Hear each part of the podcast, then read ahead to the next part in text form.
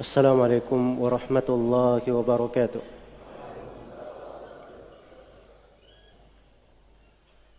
إن الحمد لله نحمده ونستعينه ونستغفره ونعوذ بالله من شرور أنفسنا وسيئات أعمالنا. من يهده الله فلا مضل له ومن يضلل فلا هادي له. أشهد أن لا إله إلا الله وحده لا شريك له. وأشهد أن محمدا عبده ورسوله. يا أيها الذين آمنوا اتقوا الله حق تقاته ولا تموتن إلا وأنتم مسلمون. يا أيها الناس اتقوا ربكم الذي خلقكم من نفس واحدة وخلق منها زوجها وبث منهما رجالا كثيرا ونساء. واتقوا الله الذي تساءلون به والأرحام. إن الله كان عليكم رقيبا. يا أيها الذين آمنوا اتقوا الله وقولوا قولا سديدا. يصلح لكم أعمالكم ويغفر لكم ذنوبكم. ومن يطع الله ورسوله فقد فاز فوزا عظيما. أما بعد فإن أصدق الحديث كتاب الله وخير الهدي هدي محمد صلى الله عليه وعلى آله وسلم وشر الأمور محدثاتها فإن كل محدثة بدعة وكل بدعة ضلالة وكل ضلالة في النار معاشر المسلمين jemaah Jumat rahimani wa rahimakumullah Di beberapa hari yang lalu kaum muslimin di Indonesia ini merasakan dari berbagai cuaca yang panas di sejumlah daerah suatu panas yang sangat besar yang jarang terjadi sebelumnya seperti itu. Kemudian hari-hari ini alhamdulillah Allah Subhanahu wa taala menganugerahkan kepada kita semua hujan yang diturunkan semoga membawa rahmat dan kebaikan untuk semuanya. Yang menjadi masalah bukanlah perubahan iklim dan cuaca. Tetapi di dalam kesadaran kita memahami makna di dalam kehidupan ini. Kadang ketika terjadi cuaca yang sangat panas banyak berkeluh kesah sibuk membahasnya kemudian merasa sesak dan sempit karenanya begitu turun hujan lalai dengan hujan tersebut. Tidak ada kesyukuran kepada Allah Subhanahu wa taala. Dan inilah sebenarnya inti masalah di dalam kehidupan kita. Hari-hari kehidupan memang telah ditentukan oleh Allah Subhanahu wa taala berjalan sedemikian rupa. Kadang ada kemudahan kadang ada kesusahan. Mungkin di hari ini seorang bergembira di hari esok dia bersedih Mungkin di hari ini ada yang dijayakan dan di hari esok ada yang dihinakan dan mungkin terjadi sebaliknya. Wa tilkal ayyamu nudawiluha bainan nas. Dan itulah hari-hari kehidupan yang kami persilih gantikan di tengah manusia. Karena itulah kewajiban kita semua pada segala keadaan selalu mengingat kepada Allah Subhanahu wa taala dan selalu mengingat apa yang menyambung kita kepada Allah Subhanahu wa taala dan kepada negeri akhirat. Itulah yang diinginkan di dalam kehidupan ini. Dan itulah dasar dari kehidupan seorang muslim dia hidup untuk menegakkan berbagai ibadah kepada Allah Subhanahu wa taala sebagaimana firman Allah Subhanahu wa taala wa ma khalaqatul jinna wal insa illa liya'budun Tidaklah aku menciptakan jin dan manusia kecuali untuk beribadah kepada aku. Di musim panas, seorang bisa beribadah kepada Allah dengan mengingat panas di kehidupan dunia ini hanyalah sementara. Dan itu tidak ada apa-apanya kalau dibandingkan dengan prahara dan kejadian-kejadian di hari kiamat. Dahsyatnya penantian di pada mahsyar. Dan bagaimana berbagai kengerian yang akan dilalui oleh umat manusia di akhirat kelak menuju kepada dua jalan ke sorga atau ke neraka. Demikian pula di dalam kehidupan dunia ini, tatkala dia mendapatkan nikmat, merasakan dari hujan, ada ibadah dalam bentuk bersyukur kepada Allah Subhanahu wa taala terhadap karunia dan nikmatnya, berharap kebaikan untuk dirinya, untuk keluarganya, masyarakatnya dan seluruh kaum muslimin. Karena itulah disyariatkan membaca doa ketika turun hujan. Allahumma sayyiban nafi'an Ya Allah jadikanlah hujan ini sebagai hujan yang bermanfaat. Maka hari-hari kehidupan hendaknya dihiasi dengan perkara-perkara yang di dalamnya kita menegakkan ibadah kepada Allah. Ibadah apapun kita lakukan hal tersebut bersama dengan perjalanan hari-hari kehidupan ini.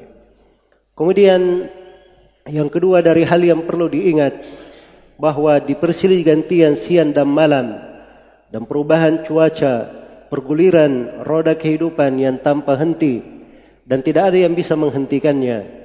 Di dalamnya harus kita pahami bahawa kehidupan ini ada akhirnya, ada ujungnya, ada suatu saat kita semua akan kembali kepada Allah Subhanahu wa taala mempertanggungjawabkan dari hari-hari kehidupan ini.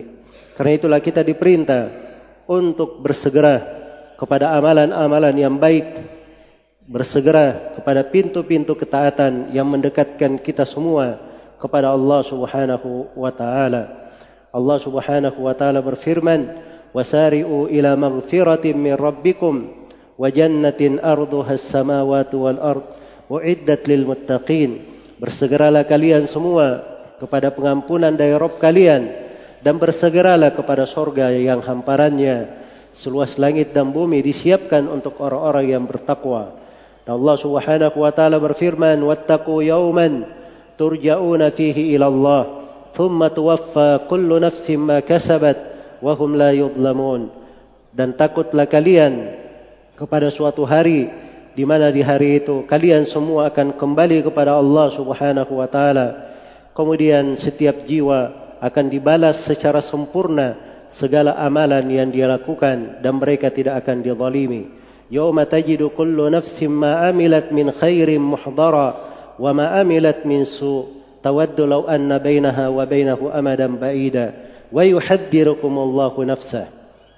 Hari kiamat itu adalah hari tatkala setiap jiwa mendapati segala yang dia lakukan itu hadir di depannya dan apa yang dia kerjakan apa yang dikerjakan dari kebaikan maupun dari keburukan semuanya dia saksikan. Semuanya dia saksikan. Dan pada waktu itu setiap jiwa berharap antara amalannya dan hari kiamat tersebut ada waktu yang sangat panjang sehingga mereka bisa memperbaiki dari apa yang telah lakukan dan Allah mengingatkan wa yuhadzirukum Allahu nafsah Allah peringatkan kalian semua akan dirinya akan keagungannya agar supaya kita selalu berbenah berbekal untuk menghadap kepada Allah Subhanahu wa taala berdiri di depannya dan itulah jiwa seorang muslim yang mengerti bahawa kehidupan dunia ini hanyalah sementara dan ada akhir yang kita semua akan kembali kepada Allah Subhanahu wa taala di sana. Kemudian di antara hal yang hendaknya diperhatikan oleh setiap muslim di dalam hari-hari kehidupan ini bagaimana dia menjadikan kehidupannya di dunia ini sebagai hal yang selalu diridai di sisi Allah Subhanahu wa taala sebagai perkara yang dicintai oleh Allah Subhanahu wa taala dan pokok kebaikan di dalam hal tersebut adalah keimanan dan amalan salih. Amila salihan min dzakarin aw untha wa huwa mu'min falanuhyiyannahu hayatan thayyibah. Barang siapa yang beramal salih dari laki-laki maupun perempuan dan dia adalah seorang mukmin maka sungguh kami akan memberikan kepadanya kehidupan yang thayyibah kehidupan yang baik, kehidupan yang bahagia, kehidupan yang diridai oleh Allah Subhanahu wa taala. Aqulu ma tasma'un. Barakallahu li wa lakum fil Qur'anil 'azim ونفعني وإياكم بما فيه من الآيات والذكر الحكيم. وتقبل الله مني ومنكم تلاوته. إنه هو السميع العليم. الحمد لله على إحسانه والشكر له على توفيقه وامتنانه. أشهد أن لا إله إلا الله وحده لا شريك له تعظيما لشانه. وأشهد أن محمدا عبده ورسوله الدائي إلى رضوانه. sallallahu alaihi wa ala alihi wa sahbihi wa man tabi'ahum bi إلى ila yaumiddin amma ba'd. قوم muslimin, جمع جمعة rahimani wa rahimakumullah. ringkasan kehidupan dunia ini kita semua datang di kehidupan dunia dalam keadaan sama anak-anak raja tidak ada bedanya dengan kelahiran orang-orang miskin di sudut-sudut kota kita semua meninggalkan dunia di kondisi yang sama pula. Hanya berada di sebuah lian lahat yang gelap mempertanggungjawabkan amalan-amalan yang kita lakukan. Dan kita semuanya akan menghadap kepada Allah Subhanahu wa taala hanya di kondisi amalan yang menentukan, amalan yang meninggikan derajat kita atau yang merendahkannya maka di hari kiamat juga hanya dihamparkan dua jalan fariqum fil jannati wa fariqum fis sa'ir. Satu golongan berada di dalam sorga dan satu golongan berada di dalam neraka yang menyala-nyala. Faminhum syaqiyyun wa minhum sa'id. Di antara mereka ada yang merugi dan di antara mereka ada yang beruntung. Wa annahu huwa adhaka wa abka. Dialah Allah yang membuat tertawa dan dia pula Allah yang membuat menangis. Maka itu dua golongan kondisi manusia di hari kiamat dan kita semua yang menentukan pilihan kita. Apa yang kita lakukan di kehidupan dunia ini di atas hal itulah pilihan kita di atas dua jalan. Allah telah menerangkan agama ini dengan sejelas-jelasnya. Telah menerangkan dari jalan-jalan yang mengantar kepada sorga dengan seterang-terangnya. Telah diutus para nabi dan para rasul. Telah diturunkan kitab-kitab dan kita umat Islam dimuliakan dengan hal yang paling tinggi dari hal tersebut maka setiap orang hendaknya selalu mengingat akan hari yang dahsyat tersebut. Hari tatkala dia akan meninggalkan kehidupan dunia ini hari tatkala dia akan berada di alam kubur menjawab pertanyaan para malaikat dan menanti akan hari hisab ketika dia berdiri di depan Allah mempertanggungjawabkan segala amalannya. Semoga Allah subhanahu wa ta'ala meliputi kita semua dengan kelembutan dan rahmatnya dan mengampuni segala dosa dan kesalahan dan selalu membimbing kita semua untuk istiqamah di atas Islam dan sunnah di seluruh tahapan dari kehidupan ini. Innahu waliyu dhalika wal qadiru alih. ثم اعلموا رحمكم الله إن الله أمركم بأمر بدأ به بنفسه وثن بملائكته المسبحة بقدسه فقال جل من قائل ان الله وملائكته يصلون على النبي يا ايها الذين امنوا صلوا عليه وسلموا تسليما اللهم صل وسلم على نبيك ورسولك محمد. وارض اللهم عن خلفائه الراشدين أبي بكر وعمر وعثمان وعلي وللصحابه أجمعين وأن معهم بفضلك وجودك وإحسانك يا أرحم الراحمين. اللهم اغفر للمسلمين والمسلمات والمؤمنين والمؤمنات الأحياء منهم والأموات. إنك سميع قريب مجيب الدعوات ويا قاضي الحاجات. اللهم أرنا الحق حقا وارزقنا اتباعه. وأرنا الباطل باطلا وارزقنا اجتنابه. اللهم آت نفوسنا تقواها وزكها أنت خير من زكاها. أنت وليها ومولاها. اللهم إنا نسألك الهدى والتقى والأفاف والغنى. اللهم آمنا في بلادنا وأصلح ولاة أمورنا. وارزقهم بطانة صالحة تعينهم على طاعتك. يا أرحم الراحمين. اللهم من أرادنا وبلادنا بسوء فأشغله بنفسه وجعل كيده في نحره وجعل تدبيره تدميرا عليه يا قوي يا عزيز.